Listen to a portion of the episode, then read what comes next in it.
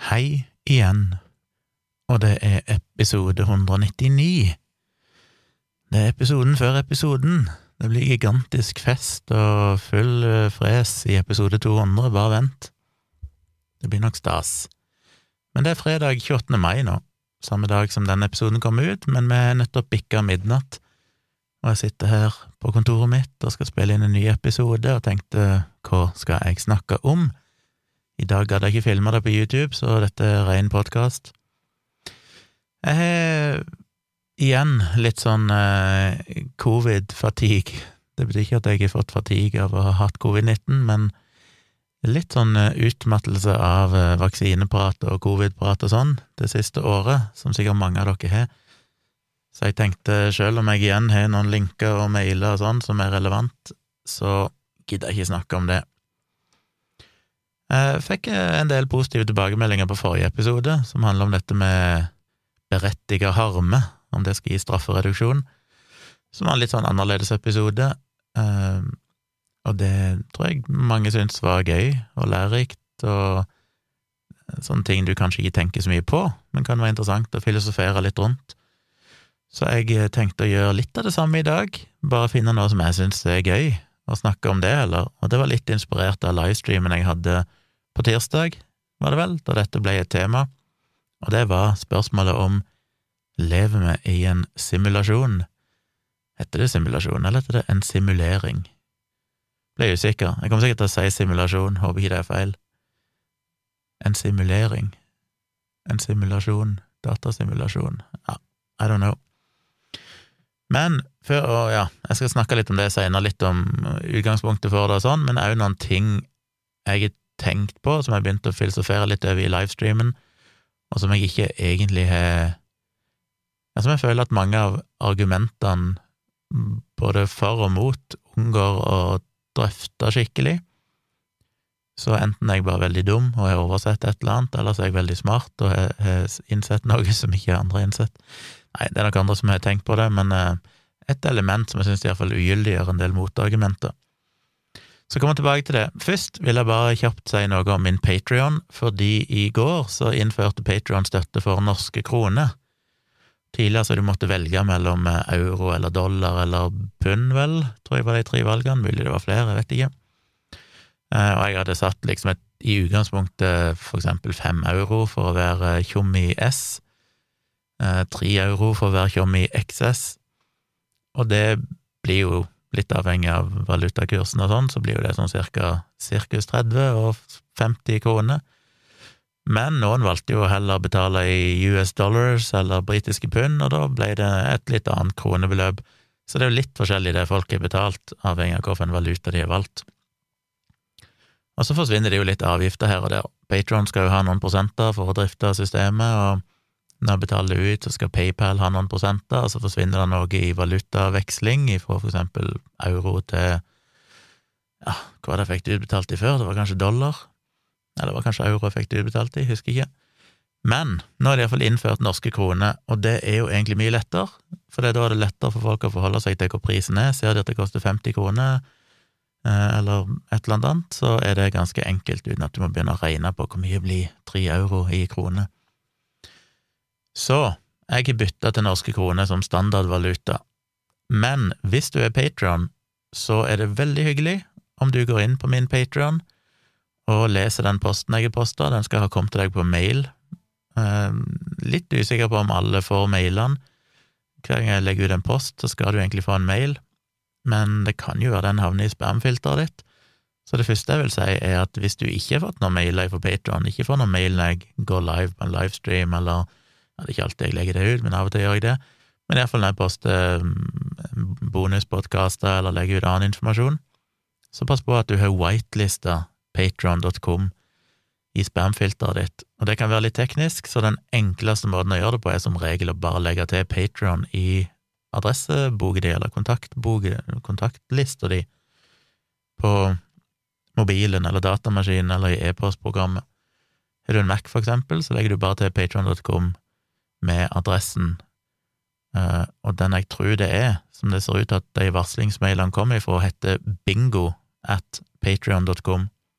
Så hvis du bare oppretter en kontakt som du kaller for Patrion, eller Patrion-mailer, eller et eller annet sånt, og gir han e-postadressen bingo at patrion.com, så vil normalt den ikke bli tatt av spamfilter, for normalt vil spamfilter slippe gjennom mailer som du har i kontaktlista di. Litt avhengig av hvor spamfilteret er. Hvis de kjører på en server et eller annet sted, så vil det være helt uavhengig gjerne av kontaktlista di. Uh, igjen litt avhengig av plattform, men uh, ofte så er det jo bare mailklienten din, og mange bruker jo Gmail, og Gmail vil vel iallfall whiteliste kontakter som ligger i adresseboka, så hvis du legger den bingo til i kontaktene dine i gmailen, så skal iallfall de mailene slippe gjennom. Eller så kan du sjekke spamfilteret ditt jevnlig, og når du ser en mail fra Patron som er kommet i spamfilter, så bare velger du at dette ikke er søppelpost, dette er gyldig mail, og da lærer du som regel mailklienten eller gmail eller hva det måtte være, til at han ikke skal legge sånne mailer i spammen i framtida. Eh, men jeg sendte altså ut en mail i går, eller posta en post som da går ut som en mail, der jeg forklarte hvordan du gjør dette, steg for steg. Fordelen med det er at uh, du sparer litt uh, avgifter. Når du betaler, så blir det jo lagt på bitte grann avgifter uh, til ja, skal dekke diverse ting, og det blir trukket ifra det jeg får utbetalt. Så hvis du bytter til kroner, så får jeg både betaling i norske kroner, og jeg får utbetalt ifra Patron de kronene i kroner, i norske kroner, uten at det skjer noe veksling av valuta, og da slipper jeg å betale de prosentene som forsvinner i den sammenhengen. Så veldig kult om dere gidder å gjøre det. Hvis ikke dere gjør det, så fortsetter alt som før. Dere betaler fortsatt i euro eller US dollars eller hva det måtte være til de gamle prisene som jeg har hatt tidligere, eh, men litt mer av det beløpet forsvinner bort i ingenting. Eh, og angående det, så endrer jeg bitte grann på prisene på de forskjellige nivåene. Jeg justerte bitte grann, sånn at for de fleste så er det bare snakk om noen få kroner i forskjell men jeg prøvde å utjevne det litt i forhold til hva jeg nå leverer på de forskjellige nivåene, for det har jo endra seg litt siden starten, da jeg satte de opprinnelige prisene. Eh, pluss at jeg tar litt høyde for valutakurs, eh, hva sånn cirka det blir i norske kroner, og disse avgiftene og diverse greier. Så mm, ørliten forskjell. Så nå koster de Tidligere var det 30, 50, 100, 200 og 1000. Nei, nå sa jeg feil, det var i kronene. det. det var 3 euro, 5 euro, 10 euro, 20 euro og 100 euro. Nå er det 30 kroner for den billigste, 60 kroner for neste, 125 er det vel, og så er det 250, og så er det 1000. Så noen av de er blitt bitte grann billigere, noen er blitt ørlite grann dyrere. Så hvis du endrer til kroner, så vil de nye prisene tre i kraft. Hvis ikke du endrer, så gjelder de gamle prisene, men det kan være at det basically er det samme uansett, litt avhengig av hvilken valuta du har valgt, og litt forsvinner som sagt i avgifter, da. Så det er mitt lille ønske, i tilfelle ikke du har sett mailen. Veldig glad hvis du går inn på Patronen, leser den posten der dette er forklart, og så gjør du det som står der. Det er bare tre-fire klikk, så er det fiksa. Så er det bra. Eh, tenkte jeg òg må nevne, det er ikke alle som får med seg det, iallfall ikke hvis, ikke hvis dere er nye Patron så ikke har fått uh, mailene mine, så minner dere på at det kan være veldig lurt å laste ned Patrion-appen. Den finnes vel både til Android og til IOS. Så gå inn i appstoren deres og søk opp Patrion-appen på mobilen og installer den, og logg inn på den, for da får du notifications og sånn i den appen hvis jeg legger ut informasjon. Og det er jo da veldig lett å høre bonuspodkaster og sånne ting rett i appen. Du kan bare gå inn i appen, finne posten og trykke play, så kan du høre de der. En siste ting som jeg òg må nevne, er at du òg kan høre alle mine bonusepisoder i din vanlige podkast-app. Så hvis du for eksempel eh, bruker Acast eller Pocketcast eller Apple Podcast eller hva det måtte være, til å høre podkaster til vanlig, for eksempel denne podkasten, så kan du òg få de bonusepisodene som jeg poster rett på Patron, de kan du få levert rett til podkastappen din. Og akkurat hvordan du gjør det, eh, husker jeg ikke i farten. Jeg tror du går inn på brukerprofilen din og inn på innstillinga et sted i Patron, og der er det en plass der det er en link du må klikke for å ja, for å åpne mine Patrion-audioposter som i podkastappen. Det er bare når du trenger å gjøre én gang, og etterpå så vil de komme i podkastappen din. Men eh, hvis noen lurer på det, send meg en mail, så skal jeg sende dere link med en steg-for-steg-forklaring. Eh, det ligger òg noen tidligere poster, tror jeg, inne på patronen min, hvis dere blar litt tilbake i historien, der jeg ikke forklarte på norsk hvordan du gjør det. Så det var alt Patron-pratet mitt i dag. Um, før jeg går over til simulasjon, tenkte jeg å ta et par uh, lette ting. Jeg har jo i det siste sett på den serien som vel går på Den går på HBO, gjør den ikke det? Som heter Mare of Easttown. Sikkert noen av dere som har sett den, for den har jo fått en del oppmerksomhet i det siste. Jeg ble tipsa om han av eh, Dag Sørås, og han digger han veldig. Og det må jeg jo si, en eh, veldig bra serie. Det er derfor jeg nevner han her. Verdt å se. Det er vel bare én episode igjen, og jeg gleder meg jo veldig til den, for det er ja, shit's going down. Uh, meg og Tone hadde vel litt ulik oppfatning av første episode. Jeg syns jo første episode var litt sånn treig. Definitivt bra, gode skuespillere, kule karakterer, men brukte liksom litt tid da jeg ikke helt skjønte hvor, er de, hvor, hvor går dette hen. Uh, men helt på slutten så begynner det å skje ting, så hvis du syns han virker litt kjedelig i starten, se ferdig første episode, så vil du merke at du får lyst til å se neste. Så anbefalt Mare of Easttown. Veldig sånn dyster deprimerende. Det er bare sånn shit. Alt er bare dritt. Alt går jo bare galt. Men eh, spennende og interessant. Så har vi òg i dag sett eh, denne mye hypa Friends reunion-episoden på eh, Ja, det var vel òg HBO den havna på, tror jeg. Alle medlemmene i Friends-gjengen samla seg jo sammen igjen og fikk kasta en shitload med penger i fleisen for å delta i dette. Og har kommet som en sånn special, og den er jo kul, for så vidt. Eh, jeg digga jo Friends i den tid det gikk. Jeg merker jo det hvor forskjellig det er med folk som er en del yngre enn meg, og holdt på å si min generasjon, fordi i den tida vi så Friends, så gikk jo Friends på TV til ei fast tid, og hvis ikke du var hjemme for å se det, så fikk du ikke med deg den episoden, med mindre du fikk med deg en reprise. Så var, derfor er det litt sånn i dag at jeg er nok sånn at nei, jeg har jo ikke sett alle episodene av Friends. Jeg har nok sett de fleste, men det er helt sikkert episoder jeg ikke har sett, fordi jeg var opptatt den kvelden og sånn. Det, så, det, det, virker så rart i dag, at du liksom kan gå glipp av noe fordi du var opptatt den kvelden.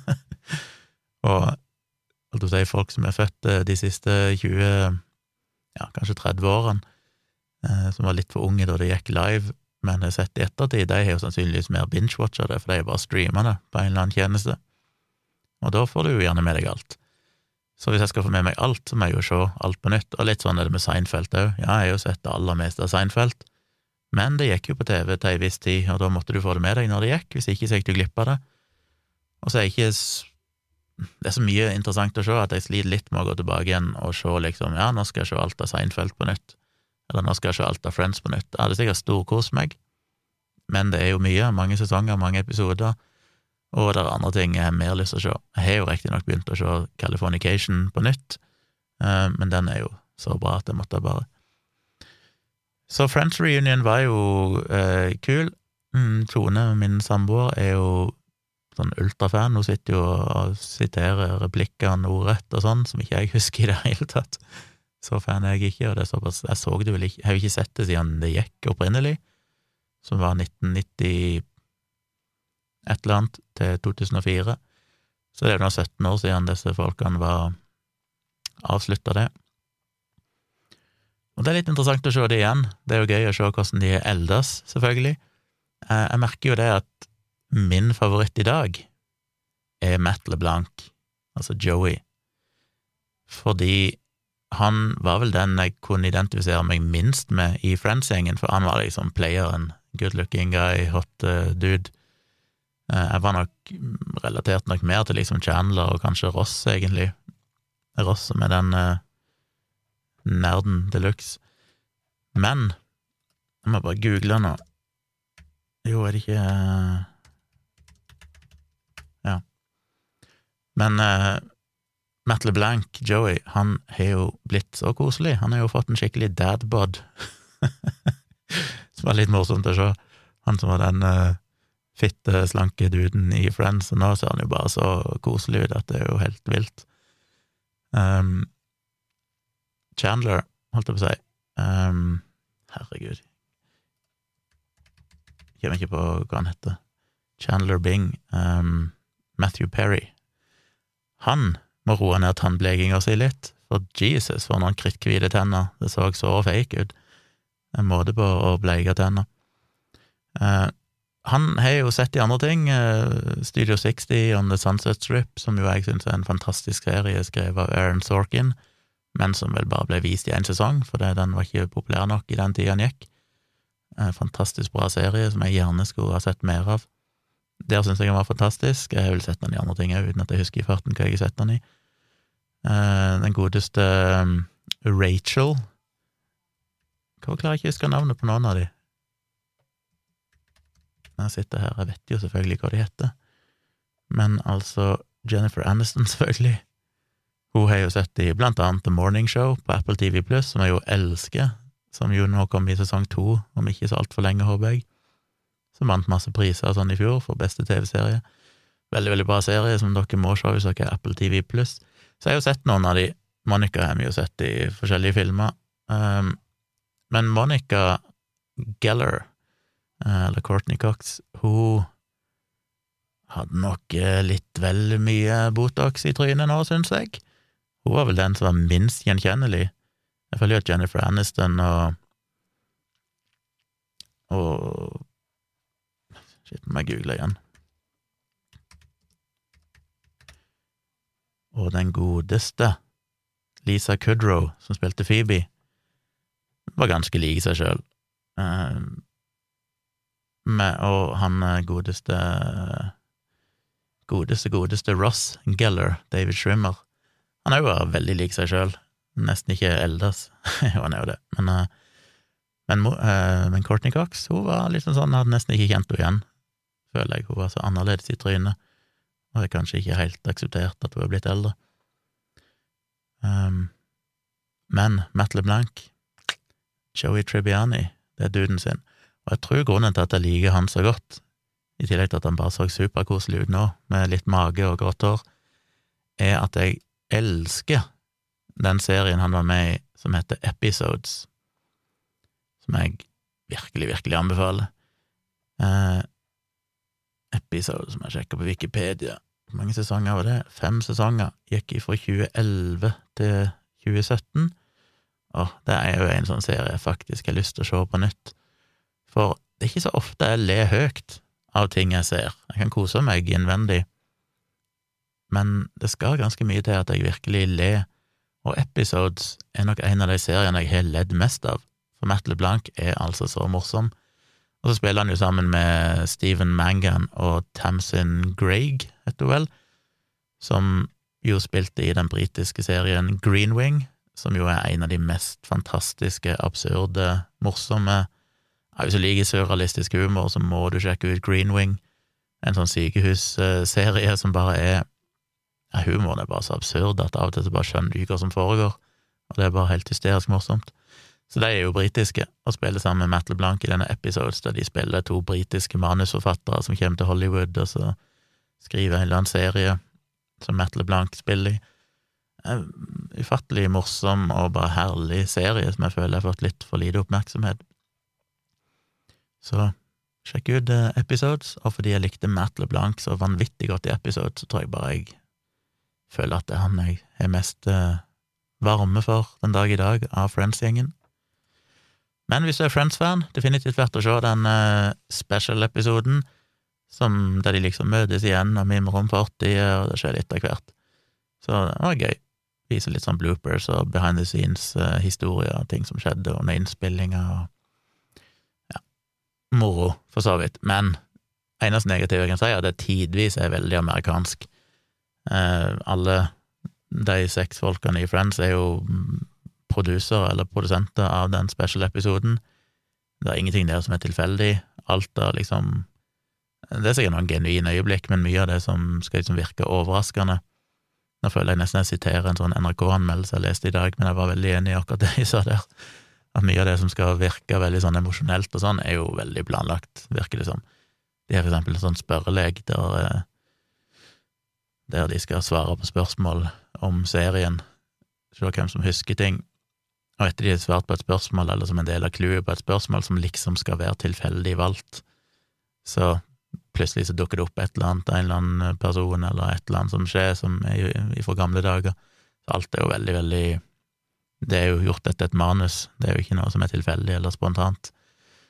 og noen av de der gripende scenene de prøvde å lage, var veldig regisserte og veldig amerikanske, så det føltes ikke helt genuint, som er litt sånn litt sånn gjøkk. Men rørende øyeblikk òg, for så vidt, så som sagt, definitivt verdt å se. Men så lever vi i en simulasjon, i en datasimulasjon. Dere har sikkert hørt dette argumentet. Nå må jeg fukte min gane med litt Cola Zero. Dere har sikkert hørt argumentet. Folk har vel en tendens til å tenke at uh, det høres helt idiotisk ut, eller ja, det høres jo fornuftig ut. Det er liksom litt enten-eller. Og det har jo blitt popularisert i nyere tid mye fordi folk som Elon Musk har gått ut og vært veldig overbevist om at vi mest sannsynlig lever i en simulasjon. Uh, Neil deGrasse Tyson har vel sagt at han synes det er mer enn 50 sjanse for at vi lever i en simulasjon, og han synes det er kjipt at han ikke klarer å finne et skikkelig godt argument mot den ideen. Han skulle ønske han kunne det, men det klarer han ikke. Så det er jo så vektige, ikke vektige figurer. Elon Musk er jo en fjott, han sier jo ufattelig mye idiotiske ting, så han skal du ikke tillegge noe tyngde, men han er jo i det minste kanskje gjort eh, bidratt til å popularisert ideen og gitt det et nytt liv. For mye av det baserer seg på Altså, en kan jo gå tilbake i historien helt til Platon og hulelignelsen og masse mytologi og sånn som har vært innom de forskjellige tingene opp gjennom historien, om ikke akkurat datasimulasjon, men mer ideen allikevel om at vi ikke lever i en virkelig verden, på en måte. Men i 2003 så kom Nikke Bostrøm med en vitenskapelig artikkel der han kom med tre påstander, der han mente at en av de må være sann. Den første påstanden skal vi lese den på engelsk, eller skal jeg oversette den? Lese den på engelsk først. Den heter The fraction of human-level civilizations that reach a post-human stage, that is, one capable of running high-fidelity ancestor simulations, is very close to zero. Altså, andelen av uh, sivilisasjoner som er kommet uh, til det nivået vi har, og som går videre til å ende opp i en post-human stage, altså en en eh, Ja, hva vil det si? En posthuman stage. Nå glemte jeg å finne definisjonen av det. Men iallfall som etter hvert blir så avanserte at de er i stand til å kjøre datasimuleringer av forfedrene sine, altså basically kjøre hele jordklodens historie på nytt, med all utvikling av alle mennesker og dyr og alt som er skjedd, er sannsynlig, eller er veldig nærme null. Antallet av de sivilisasjonene som finnes som kan gjøre det, er veldig nærme null. Enten så er det sant, eller The fraction of post-human civilizations that are interested in running simulations of their evolutionary history or variations thereof is very close to zero. Så påstand nummer to er at uh, andelen av sånne avanserte sivilisasjoner som i det hele tatt er interessert i å kjøre den type simulasjoner, altså avanserte sivilisasjoner, som er interessert i å kjøre den type simulasjoner, datasimulasjoner, av uh, sin evolusjonære historie eller variasjoner av den, er veldig nærme null, en null eller veldig nærme null. Så det kan være sant. Eller nummer tre, the fraction of all people with our kind of experiences that are living in a simulation is very close to one.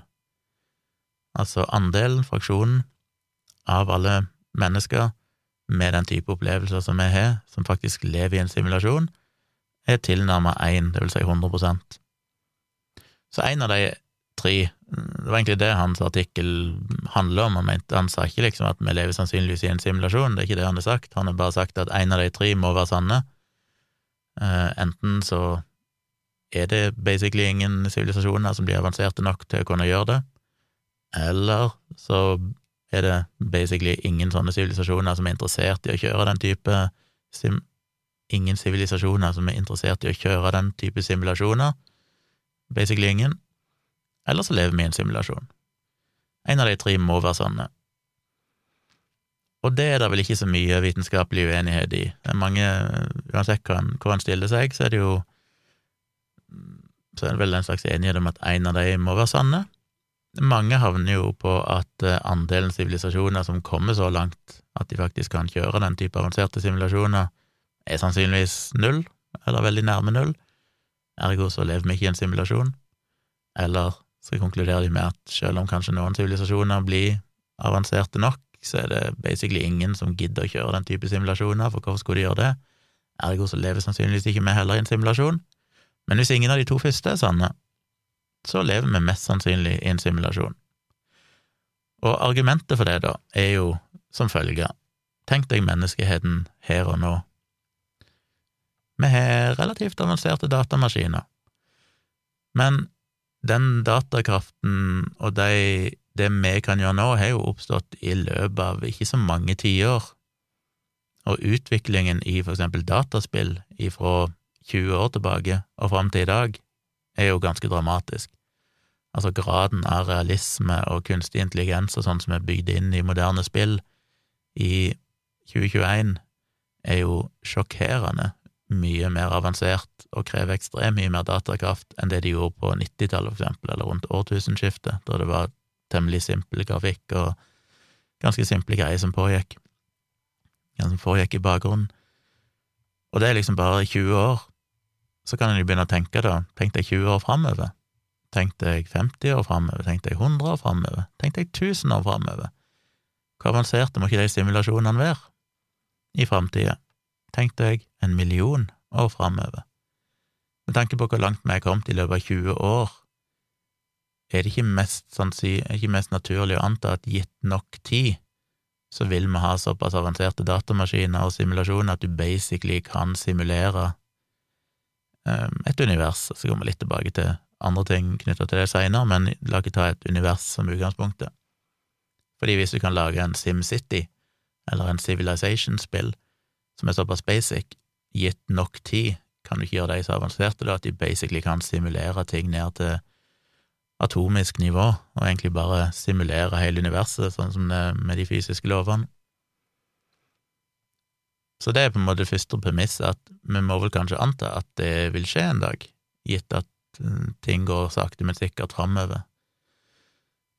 Og hvis det skjer, og vi òg antar at vi ikke nødvendigvis er den eneste sivilisasjonen i universet, at eh, med stor sannsynlighet, statistisk sett, er andre sivilisasjoner i universet som har rukket å bli intelligente og avanserte, og gitt at statistisk sett mange av de sannsynligvis ville eksistert da minst tusen år lenger enn oss, kanskje en million år, kanskje 500 millioner, kanskje en milliarder lenger enn det vi har, så man jo antar at deres eh, kapasitet til å drive sånn avanserte datasimulasjoner er langt foran oss, og at de da ergo gjør det allerede. Og gitt at hver simulasjon de produserer, la oss si de lager et program som simulerer den verden de er i, eller simulere historien fram til det tidspunktet de er, så vil jo den simulasjonen òg kanskje begynne i simulasjonen og lage nye simulasjoner, for den er jo en simulering av det universet de lever i, og der valgte de å lage en simulering, eller en simulasjon. Da er det vel an rimelig anta at i simulasjonen sjøl vil den òg begynne å simulere universet.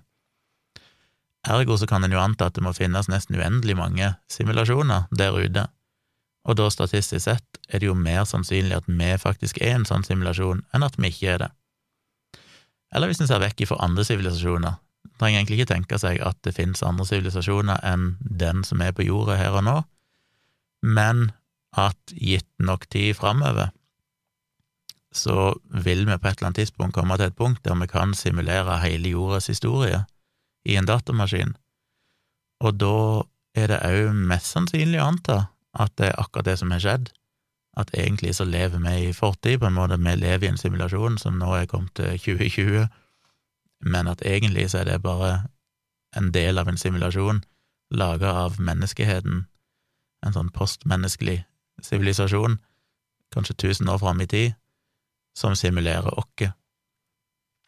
Og det er jo et premiss det er vanskelig å argumentere seg vekk ifra hvis en antar at vi blir mer og mer avansert, og gitt nok tid, så vil vi kunne gjøre dette, det vil være avanserte nok datamaskiner. Så er det jo overveldende sannsynlig at vi da er i den simulasjonen. Igjen fordi at en simulasjon kan simulere en ny simulasjon, så det kan være nesten et uendelig antall simulasjoner, altså rent statistisk sett, eh, som er litt av argumentet til Elon Musk, så er det jo liksom bare én av en ja, mange milliarder dels sjanse at vi skulle leve i den virkelige verden, den som starta på en måte simulasjonene på et eller annet tidspunkt, eller den som eventuelt kommer til å gjøre det en dag. Så det er litt av liksom kjernen i argumentet. Og det Nick Bostrøm konkluderer med, er jo at hvis du ikke tror at vi lever i en datasimulasjon i dag, så kan du heller ikke tro at dere etterkommere noensinne vil ende opp med å simulere menneskehetens historie. For det hvis du antar at etterfølgerne våre tusen år fram i tid vil finne på å gjøre det, så er det mest sannsynlig at vi lever i den simulasjonen nå.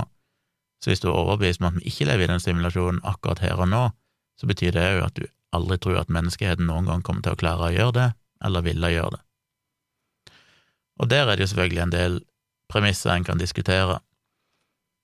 Et premiss for dette, et fundamentalt premiss, sånn jeg oppfatter det, selv om Nick Bostrøm er vel litt mer diffus på om det egentlig er så relevant, eh, når ikke jeg sittet i lang tid å sette meg inn i det, det er en ganske skumlest, den eh, artikkelen hans som han publiserte i 2003, den er ganske avansert, så er det ikke alt jeg skjønner av detaljer, men eh, et premiss skulle en jo anta, er jo at en i det hele tatt forutsetter at du kan simulere en bevissthet rent eh, elektronisk eller digitalt. Og det er vel jeg overbevist om, jeg er jo materialist, jeg tror ikke på noen dualitet, jeg tror ikke at det er noen skille mellom den materielle kroppen og et slags metafysisk eh, en sjel eller en bevissthet eller en ånd, liksom. Jeg tror at bevisstheten springer direkte ut av de fysiske og kjemiske prosessene som skjer i hjernen vår. Eh, så gitt at jeg tror på det, og jeg vil påstå at det finnes ikke noen gode argumenter eller evidens for noen ting annet enn akkurat det, per i dag så er vel det den mest sannsynlige forklaringen, så ser jeg jo på det som sannsynlig at det er teknisk mulig å simulere gitt nok datakraft. Altså kan du gå ned og simulere de enkelte elementærpartikler og holdt si, kode inn de fysiske lovene. Nå kjenner vi ikke alle fysiske lover ennå, så det er jo kanskje en begrensning, men gitt at vi finner ut av det. Kanskje trenger du egentlig ikke å kjenne de fysiske lovene, du trenger bare å vite på et visst nivå hvordan ting oppfører seg, uten at du nødvendigvis må simulere det mest fundamentale som vi ikke forstår ennå. Det trenger vi jo egentlig ikke. Du kan jo lage en virtual reality som etter alle målestokker ser overbevisende ut, uten at den nødvendigvis trenger å ha forstått eller løst alle fysikkens eh, mysterier. Så eh, Hva er det jeg sa? Jo, bevisstheten materialistisk. Vi hadde jo den godeste fysikeren, eller fysiker eller kosmolog, eller hva han Brian Cox han var jo gjest i Dialogisk, en av de første episodene, som var ganske staselig, å få en internasjonal gjest i en av de aller første episodene vi hadde. Og der snakket vi jo litt om det. I den episoden før, eller et par episoder før, så hadde vi jo to hjerneforskere, norske hjerneforskere, som gjester, som hadde gitt ut hver sin bok om hjernen, og da stilte jeg jo det spørsmålet, tror du vi kan simulere hjernen, eller kopiere hjernen digitalt? Og de syns det hørtes helt utenkelig ut, som jeg ennå ikke skjønner hvorfor de syns det. Jeg mener at det følger av rent logisk at hvis du kan simulere ned til de minste partiklene i hjernen, så vil basically hjernen oppstå av seg sjøl. Og da ble jeg jo litt glad at jeg stilte jo Brian Cox det samme spørsmålet, og han var helt enig med meg og sa ja, han kan ikke se hvis du kan simulere elementærpartiklene som bygger opp hjernen, så ja, så vil du basically få en hjerne, og da er det naturlig å anta at det òg vil oppstå en bevissthet som en følge av det. Det er jo selvfølgelig en stor filosofisk debatt, men det er et slags premiss du må ha, da, i det minste, at du kan simulere en slags bevissthet som føles ekte. For eksempel det at du hører på denne podkasten nå, du føler at det er din virkelighet, at du er bevisst rundt det du hører på, og sånn. Hvis du er en del av simulasjonen, så er det jo det en simulasjon må kunne gjøre. I den artikkelen drøfter han jo òg hvor mye datakraft som trengs. Han gjør noen beregninger og sånn, og ja, ser på forskjellige tidligere beregninger som er gjort om hvor mye datakraft trengs det for å kunne simulere alle atomene på jordkloden, for eksempel, eller alle i universet og sånn, og har noen tall på det. Det er jo sånn langt over mitt hode hva, hva, det egentlig innebærer i praksis og sånn, men det blir jo mer teoretisk, da, hva om det i det hele tatt lar seg gjøre, og det skal jeg jo komme litt tilbake til. Og som sagt, det trenger ikke å være, selv om mange fremstiller det sånn, det trenger ikke å være andre sivilisasjoner som simulerer oss, det kan være oss sjøl som simulerer oss, bare at det skjer, skjer i framtida en gang, og vi lever i den fortida som blir simulert akkurat nå. Så for meg så Jeg liker jo Jeg liker jo den hypotesen, det må jeg si, simulerings- eller simulasjonshypotesen. Um, jeg gjør det, jeg syns òg det er litt som Neil deGrasse Tyson, jeg tenker at det, det, er vanskelig å finne veldig gode argumenter imot. Men jeg så en YouTube-video nylig på en eller annen sånn informativ YouTube-kanal der de snakker mye om fysikk og sånn, der det var ei som brukte ti minutter på å argumentere imot simulasjonsteorien. Og hun har jo laga mye video om kvantemekanikk og alt mulig, veldig kompetent, smart uh, dame, men jeg er ikke helt sikker på om jeg kjøpte alle argumentene hennes. Det ene var jo at hun gikk inn i dette med datakraft. Hun mente at premisset om at vi en dag kan simulere hele universet, er usannsynlig. Og hun kom litt inn på dette med, som andre har gjort, at det finnes en absolutt grense for hvor kraftige datamaskiner du kan lage, fordi du kommer til et punkt der det vil kreve mer energi enn det som finnes i hele universet for å simulere universet, for eksempel. Du når en slags limit som er uunngåelig. Men hun peker jo på det at du kan jo komprimere den informasjonen ganske betraktelig. Eh, du trenger for eksempel ikke å simulere alt som skjer i universet, du trenger egentlig bare simulere de delene som blir observert til enhver tid. Men da argumenterte vel hun med at det ville være umulig å vite intensjonene til de individene som blir simulert, sånn at hvis jeg er en hvis Gunnar Kjomli er del av en simulasjon, og jeg plutselig finner ut at jeg skal ta en kikk eh, opp eh, på eh, stjerna Sirius, um, i den grad den Jeg vet ikke engang om den er synlig fra denne delen av kloden, men ja, uansett hva det var, skal vi se på Sirius, så må simulasjonen vite det på en måte, og dermed simulere den delen av universet, sånn at den er korrekt på det tidspunktet, med plasseringen av alt av himmellegemer og lys og alt mulig sånn.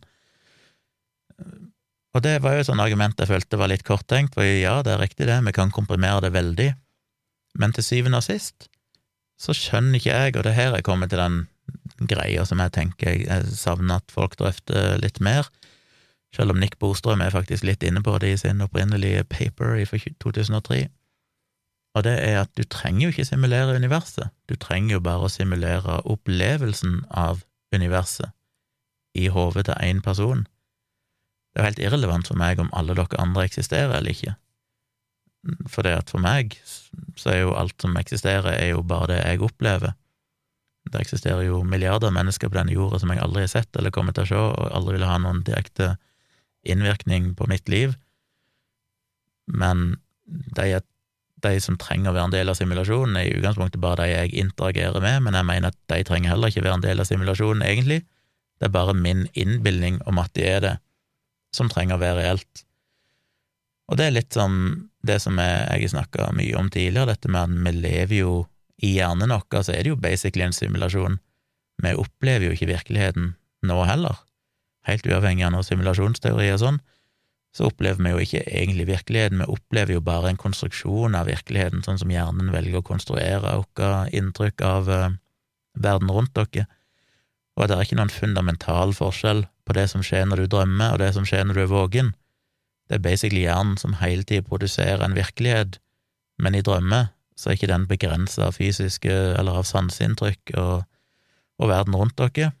Ergo så tester hjernen ut mange forskjellige scenarioer, for eksempel så er det vært hypotisert rundt det at det at du drømmer at du faller ut forbi et stup, for eksempel, som er en sånn vanlig drøm mange har, det er jo hjernen sin måte å teste ut det på for å på en måte gjennomleve det og finne ut om det er fornuftig eller ikke. Eller det at flere personer kan være samme person i en drøm, eller én person kan oppstå flere plasser, eller alt mulig sånn. Det er på en måte hjernen sin måte å teste ut forskjellige scenarioer på.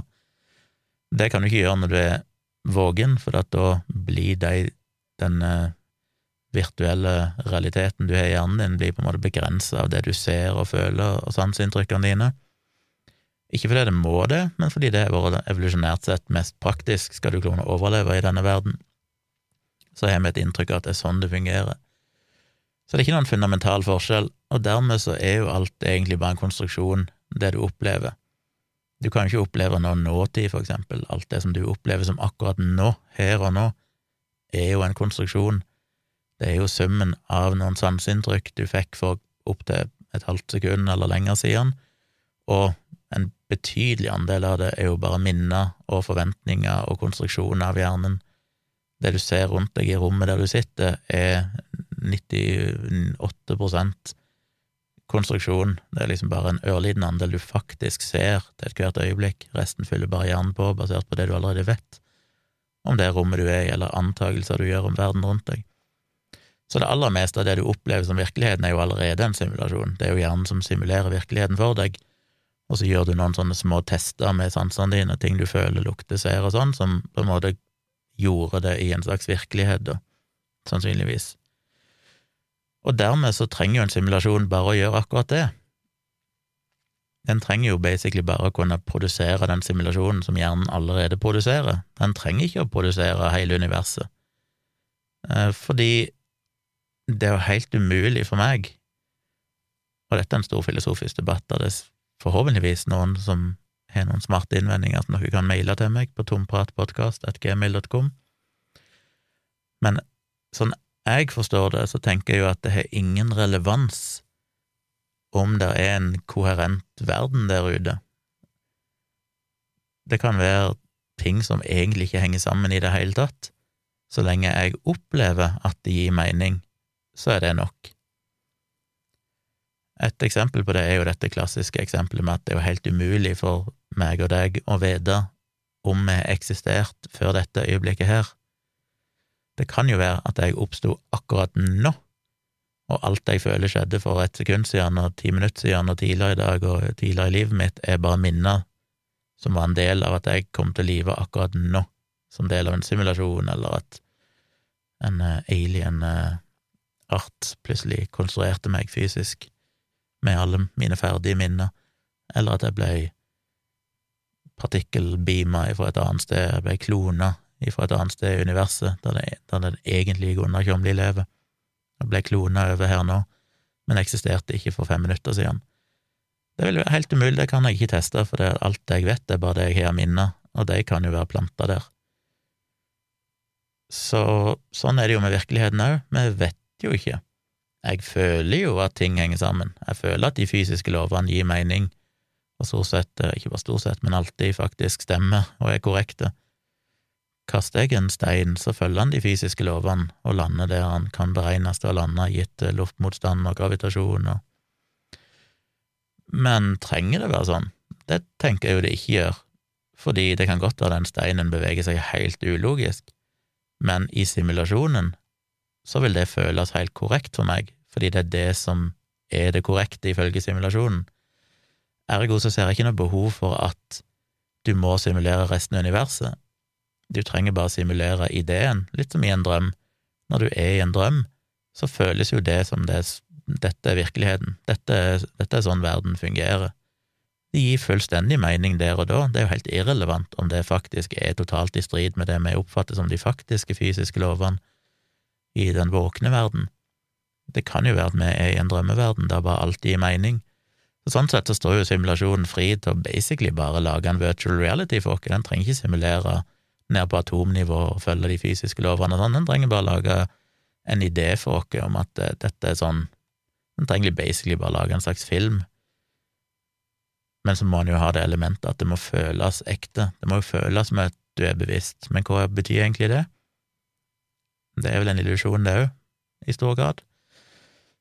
Ja, dette kan en jo sikkert snakke mye om, men jeg føler det er litt underkommunisert. Jeg føler mange av disse fysikerne og ekspertene som snakker om dette, snakker veldig mye om hva er det mulig å simulere et helt univers og datakraften som trengs og alt mulig sånn. Jeg føler de overser det åpenbare at det er helt irrelevant om universet eksisterer, så lenge min opplevelse av det er der, og den trenger ikke engang å følge noen fysiske lover, så lenge de føles som at den følger de fysiske lovene. Dette er jo veldig Matrix. Um, hva mer er det jeg har notert? Um, ja, og så trenger han jo selvfølgelig bare simulere ett individ, trenger jo bare simulere meg, det er jo helt irrelevant om alle dere andre eksisterer eller ikke, så lenge min opplevelse av alle rundt meg og universet er reelt, så er jo det alt som en trengs. Fordi jeg kan jo uansett ikke forholde meg til hva dere måtte oppleve og føle. Så alle sånne glitches in the matrix er jo helt irrelevante, og det er det jo andre fysikere som har påpekt, at eh, om det skulle skje en feil i simulasjonen, så er jo det helt irrelevant, fordi at én, du kan jo bare gå inn og endre minnet mitt av det, sånn at den plutselig ikke eksisterer lenger. Litt som i The Matrix, når han plutselig får en déjà vu, denne katten som går forbi døra to ganger etter hverandre, som de sier oh, that's a glitch in the, déjà vu, that's a glitch in the Matrix. Men han observerer det jo, vi trenger jo ikke engang observere det, for det kan simulasjonen sørge for, at det minnet der blir umiddelbart sletta. Det er en slags bugfix, oppdager oi, her var det en bug, erase. Eller han kan bare kjøre den delen av simulasjonen på nytt, kan kjøre de siste tre sekundene på nytt, i det øyeblikket det blir oppdaga en feil, så bare kjører du det på nytt, og så er det som det aldri har skjedd. Så alle mulige sånne ting i en simulasjon er jo har jo andre tenkt på òg, og tenkt at det er ikke Denne simulasjonen trenger jo ikke være perfekt på noen som helst måte, den kan være full av feil og mangler, og allikevel så kan den oppleves helt 100% perfekt. Så det er jo et av de store argumentene mot dette med at ja, det er ikke nok datakraft og sånt til å simulere et univers. Jeg mener at det argumentet er ugyldig, for det trenger du ikke. Et annet argument er jo at dette er jo bare tru. Det er ikke vitenskap, det er tru. Hva er forskjellen på å tro på en simulasjon og det å tro på en gud, at Gud skapte universet? Eh, jeg vil jo si det er en vesentlig forskjell, mm, fordi at det at jeg for eksempel drøfter lever med i en simulasjon, er jo ikke det samme som at jeg sier at jeg sverger mitt liv til at vi lever i en simulasjon, sånn som hvis du er en kristen, for eksempel, og er overbevist om at eh, Gud skapte universet, ergo har Gud en spesiell rolle og makt, og du må tilbe Gud, og bla, bla, bla. Dette er jo mer snakk om en drøfting basert på sannsynligheter. For meg er det jo veldig godt mulig at vi ikke bor i en simulasjon, men jeg ser definitivt argumentene for at vi gjør det, så jeg klarer ikke helt å se at det er tru. Men et annet argument for at det er tru, er jo at noen mener at det er en ufalsifiserbar hypotese. Altså, hvordan i verden skal du kunne teste om vi lever i en simulasjon? Det vil jo være helt umulig, ergo så blir det helt irrelevant å i det hele tatt diskutere, det blir basically bare tru, for du kan aldri finne ut om det er sant eller ikke, rent vitenskapelig. Det er det jo folk som mener ikke er sant. Um, hva var det jeg skrev her et eller annet sted Det er for mange notater her nå.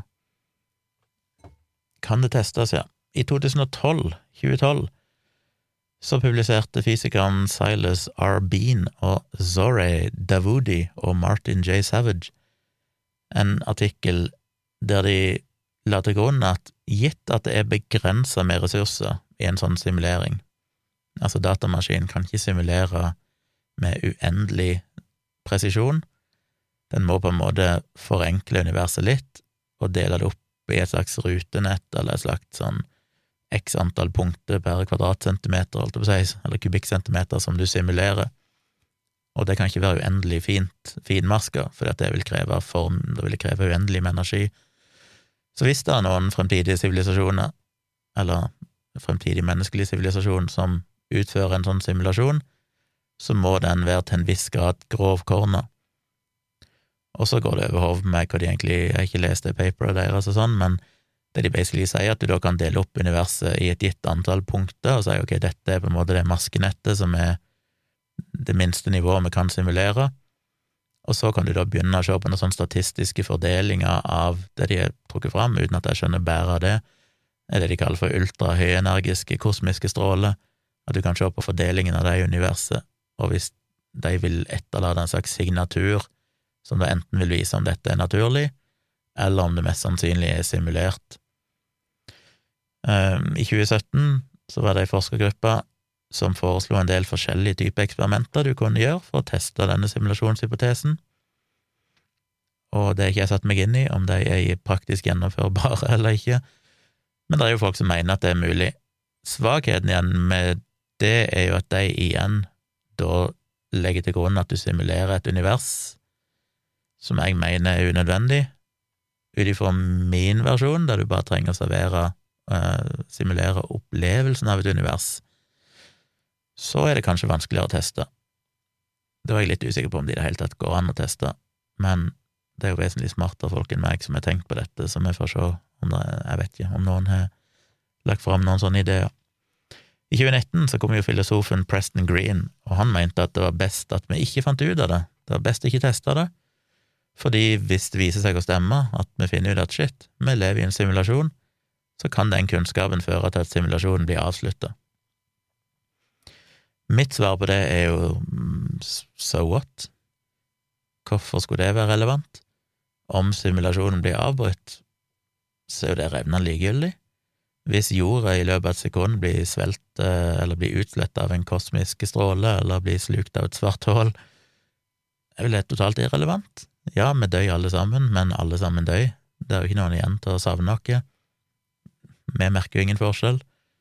Så det skjønner jeg. Jeg har aldri skjønt det argumentet der om at hvis vi plutselig slutter å eksistere, så er det forferdelig trist. Det er, sånn, det er jo totalt likegyldig.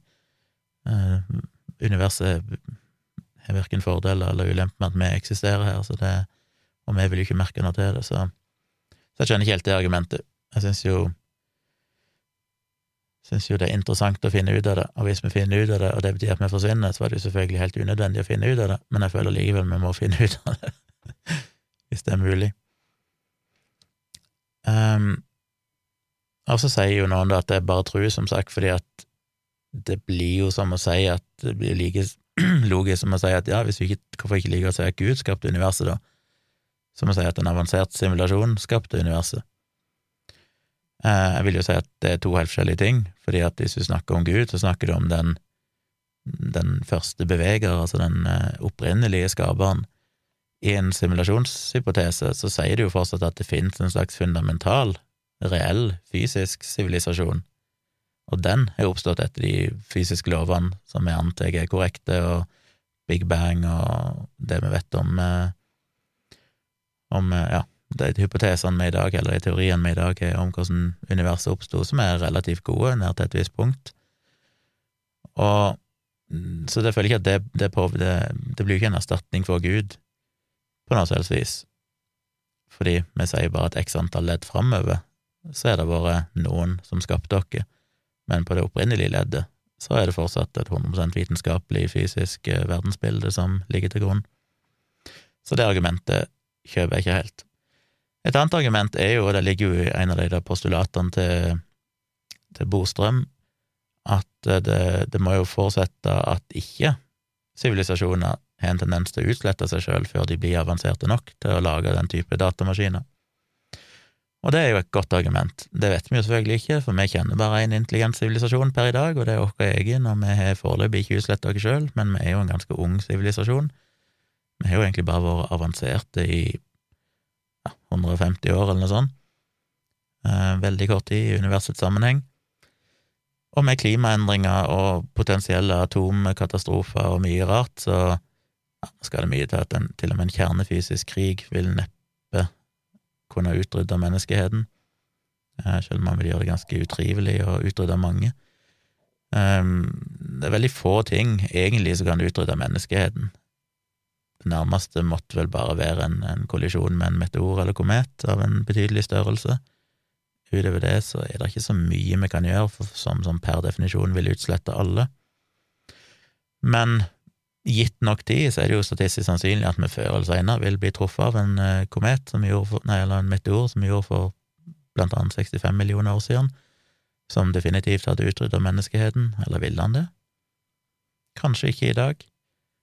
Uh, det finnes jo bunkerser der folk kan gjemme seg og ha mat nok til noen år, og det kan være lenge nok til at vi kan komme opp igjen.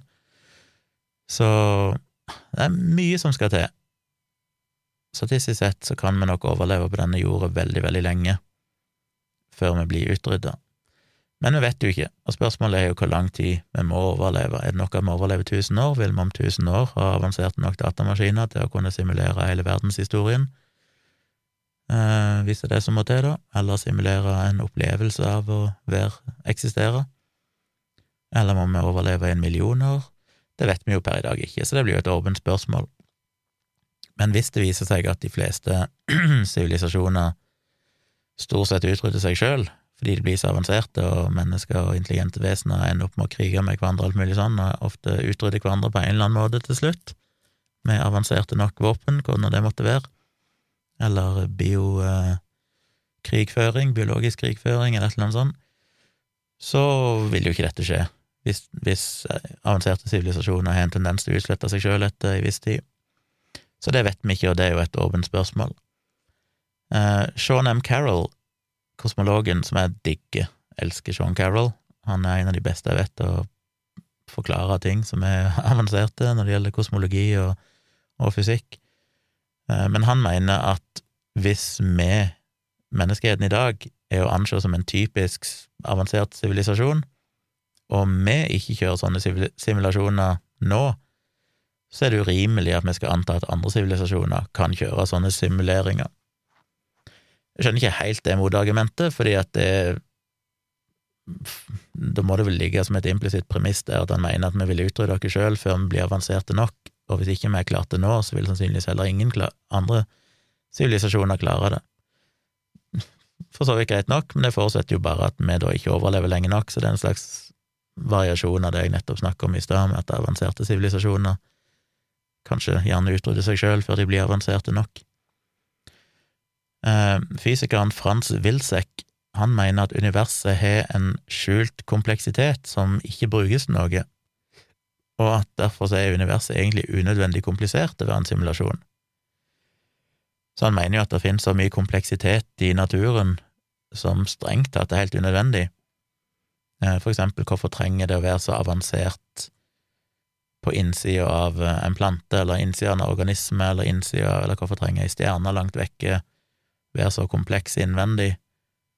Hvorfor trenger sollokka være så kompleks innvendig med, med det som skjer fusjonsreaksjoner og alt mulig sånn? Det hadde jo I en simulasjon så hadde det jo holdt å bare si at der er det ei sol, den ser dere på himmelen, og den genererer varme. Rennende likegyldig hva som er inni den. Men vi har jo observert ved å gå inn i forskjellige områder, så er det jo faktisk komplekse mekanismer inni alt her i naturen. Hvorfor trenger en det når en bare kunne ha simulert noe mer overfladisk, holdt jeg på å si? Et argument mot det er vel at eh, vi, jo, vi, vet jo at ting er komplekse nettopp fordi vi har kikka inn i planter, og vi har gravd ned i jorda, og vi har kikka på analysert stjerner langt vekk og sånn. Ergo så ville vi jo oppdaga det i simulasjonen, hvis ikke de var avanserte nok. Men du kan jo bare si at i den simulasjonen så hadde en ikke trengt å være så nysgjerrig, men nå er jo vi en gang så nysgjerrige, så hvis vi lever i en simulasjon, så må det forutsette at den skjulte kompleksiteten faktisk er nødvendig, fordi vi etter hvert oppdager den, etter hvert som vi blir mer avanserte. Men igjen så mener jeg at det argumentet faller litt bort, hvis en baserer seg på at alt egentlig er en drøm, at vi trenger bare å simulere en, en uh, bevisst opplevelse av et univers der ting egentlig ikke trenger å gi mening, der alt bare kan være falske minner, basically, der vi tror at vi har undersøkt uh, kutta et, et hamster i to og sett på innvollene, trenger jo ikke eksistere, det kan bare være vår opplevelse av at det eksisterer. Um, så det mener han. Fysiker Paul Davis har et eller annet som jeg ikke helt skjønte. Altså, han, han bruker de tre postulatene til å argumentere ikke mot simulasjonsteorien, men mer mot multiversteorien. Altså ideen om at det skal finnes et tilnærmet uendelig antall universer, og at for eksempel meg og deg statistisk sett, da, vil eksistere i eh, fryktelig mange av de universene, og egentlig oppleve alt som er mulig å oppleve. Vi vil både ha blitt abortert, vi vil ha dødd ved fødselen, vi vil ha blitt født multihandikappa, vi vil ha vært multimilliardærer, vi vil være president i USA, altså alle mulige scenarioer som kan utspille seg i, i vårt liv, vil utspille seg i et eller annet univers der ute, gitt at det er mange nok, så er det umulig å unngå. Men han mener at han legger vel til grunn da at vi ikke lever i en simulasjon, for han sier at hvis det finnes et nær uendelig antall universer med den type intelligente sivilisasjoner som før eller senere kan simulere andre sivilisasjoner eller sine egne forfedre, eller sin egen forhistorie, så er det uunngåelig at vi faktisk lever i en simulasjon. Men ettersom han mener at det ikke er noen grunn til at vi lever i en simulasjon, så mener han jo at dermed kan det heller ikke eksistere utallige universer. For hvis det eksisterte utallige universer, så vil det være så statistisk overveldende sannsynlig at vi faktisk er i en simulasjon. Så det føles jo litt som at han legger, hvis jeg ikke skjønte rett, da, med forbehold om at jeg ikke har misforstått det, eh, så legger han vel til grunn da at han mener vi ikke lever i en simulasjon, og dermed kan det heller ikke eksistere mange universer, eller nær uendelig antall universer. Så kommer vi tilbake igjen til dette med folk mener vi ikke kan lage så kraftige datamaskiner, det er folk som har regna på det, som sagt, at det er, en, en, det, er, det er, ikke en uendelig mengde datakraft, det er begrensninger, fysiske begrensninger med, med tanke på energibruk og sånn. Uh, ikke minst lagringsplass, du skal lagre informasjon om hver eneste partikkel i universet og sånn, og det vil jo kanskje kreve mer lagringsplass enn det som finnes i universet. Men så begynte jeg å tenke når jeg leste det på Douglas Adams og Hitchhiker's Guide to the Galaxy, det ble, han, hans idé der er jo at jordkloden er en datamaskin som er konstruert av en annen alien art for å finne ut hva som er meninga med livet, universet og alt, og kom jo da fram til slutt til at svaret er 42, men før det blir formidla til noen, så blir vel jordkloden utrydda, for de skal lage en intergalaktisk eh, motorvei akkurat der jorda er, så den må elimineres. Spoiler alert! Men eh, ja, det var jo sånn interessant, kanskje jorda i seg sjøl er den datamaskinen som produserer den simulasjonen. Det er en slags biologisk datamaskin som basically er en simulasjon i seg sjøl. En liten digresjon der. Um, men som sagt, jeg mener jo, uten at jeg kan selvfølgelig argumentere veldig godt for det, for jeg kan ikke fysikken og matematikken bak det, men jeg innbiller meg iallfall at den ideen, den, den argumentet om at du trenger så ekstremt kraftige datamaskiner Ja, selvfølgelig vil du trenge en noenlunde kraftig datamaskin for å kunne simulere en slags bevissthet, en bevisst opplevelse, men igjen så koker jo det der til hva er bevissthet kommer til for at du skal oppleve noe bevisst, hvordan vet vi at ikke en, en relativt simpel datamaskin opplever en bevissthet? Det vil jo òg være umulig for oss å teste, så det blir jo mye sånn usikkerhet her. Kanskje Ja. så jeg mener at vi trenger ikke simulere hele universet. Dermed trenger vi ikke nødvendigvis så uendelig kraftige datamaskiner. Fysikeren eh, Marcelo Gleiser mener at han, han faller jo litt på det punkt nummer to i de postulatene, at vi må anta da at disse avanserte sivilisasjonene, eller våre egne, egne avanserte etterfølgere langt fram i tid, vil ha en grunn til å simulere sin egen forhistorie. Og han kan ikke skjønne hvorfor de skulle ville det, for det vil jo sannsynligvis kreve enormt med datakraft. Og hva skulle være poenget i det? Hvorfor skulle de ha glede av det? Hva i all verden skulle være nytten med å bruke så mye ressurser på å simulere sin egen forhistorie? Så han klarer ikke helt å se at det er noe logikk i at hvis du blir avansert nok, så er det liksom en sånn sannsynlig utfall, at du finner ut ja, nå skal jeg simulere jordens historie, eh, eller solsystemets historie, eller Melkeveiens historie. Det ser han på som lite sannsynlig, og det er for så vidt et, eh, et gyldig argument. Jeg eh, ser vel heller ikke noe supergod grunn til at vi skulle gjøre det, men det trengs jo på en annen side sett bare at én sivilisasjon, eller våre egne etterfølgere, en eller annen biljardær billiardær som Elon Musk i framtida, tusen år fram i tida, så kommer en Elon Musk med altfor mye penger og fritid og tenker at hm, det var gøy å lage en simulasjon vi har jo datakraften til det. Kjør på. Så skal jo ikke mer til enn det før dette her er en realitet, så det er ikke sikkert det er så godt argument. Uh, ja, så det var vel egentlig de tingene jeg hadde om uh, simulasjonsteorien. Veldig spent på å høre hva dere tenker. Det som er kanskje vanskeligst å få grep på, er jo det jeg snakker om med dette med å oppleve virkeligheten. At, uh, for det er liksom sånn, det blir veldig diffust. Hva kreves for å simulere at jeg tror at jeg fins, for det er jo egentlig alt som trengs. Jeg trenger jo bare å tro at jeg finnes, som en simulasjon. Og da er det helt likegyldig hva som skjer rundt meg, for så lenge jeg tror at jeg eksisterer, og tror at det er fysiske lover som virker i et koherent univers, så, så er det helt irrelevant om det universet faktisk eksisterer, eller i det hele tatt følger noen lover. Så lenge jeg hele tida har følelsen av at det gjør det, så lenge minnene mine hele tida blir korrigert, til å føle at eh, ja, det har sammenheng. Når jeg kasta den snøballen, så fulgte den en kurve som følger de fysiske lovene.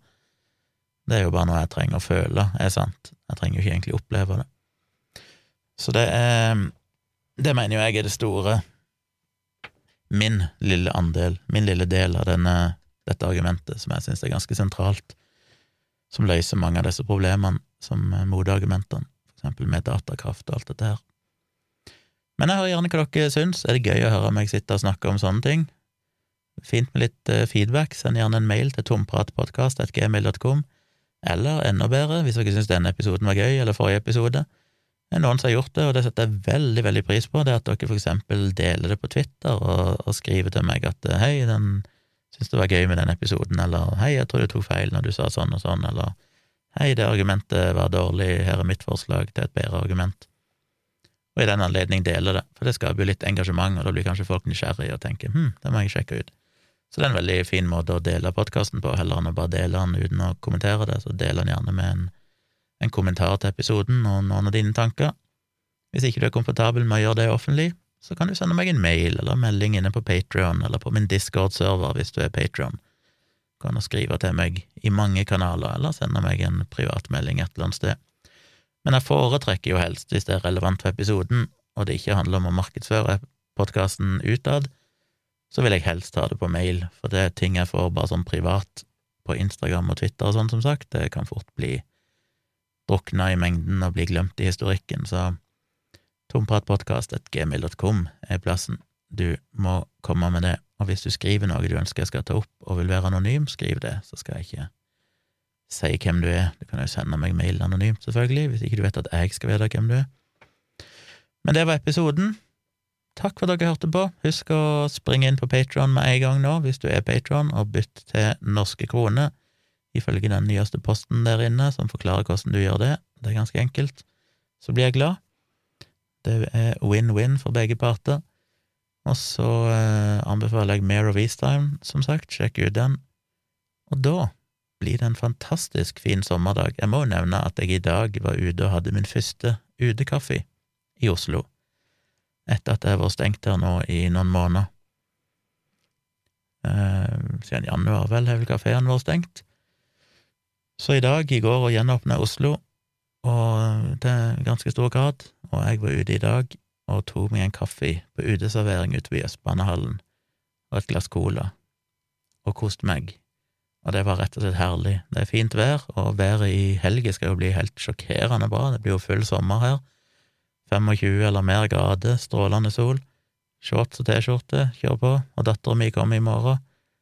Det blir ei en fin helg, tror jeg. Det gleder jeg meg til. Jeg er tilbake med livestream i morgen kveld eller i kveld da, egentlig, fredag kveld, 28. mai, i 11-12-tida, kanskje, rundt midnatt. Dattera mi er her, kommer i morgen, som sagt, så derfor så må jeg se det litt an, om det krasjer med noe vi skal gjøre sammen. Men hvis hun går og legger seg, og så kan det godt være jeg kjører en livestream litt sånn seint, så tune gjerne inn på den, inne på min YouTube-kanal, Tvilsomt med Tjomli. Bare søk på Tomprat live inne på YouTube, så finner du den. Hvis du søker på dagtid og ikke finner den, så er det fordi jeg ikke har oppretta den ennå. Av og til så oppretter jeg bare livestreamen en, et par timer i forveien. Men utpå kvelden så kan du søke og se om du finner det. Eh, jeg skal jo prøve å dele det på Twitter og Facebook og discorden min og patronen min og sånn, sånn at dere får linken og får tidspunktet jeg begynner, for dere som følger meg rundt forbi. Så følg meg gjerne på både Instagram og Twitter på Civix, C-I-V-I-X, som jeg heter begge plassene. Og så håper jeg vi ses i livestreamen, og hvis ikke, så er jeg tilbake igjen på tirsdag med en ny podkastepisode. Så da logger jeg av og sier god natt.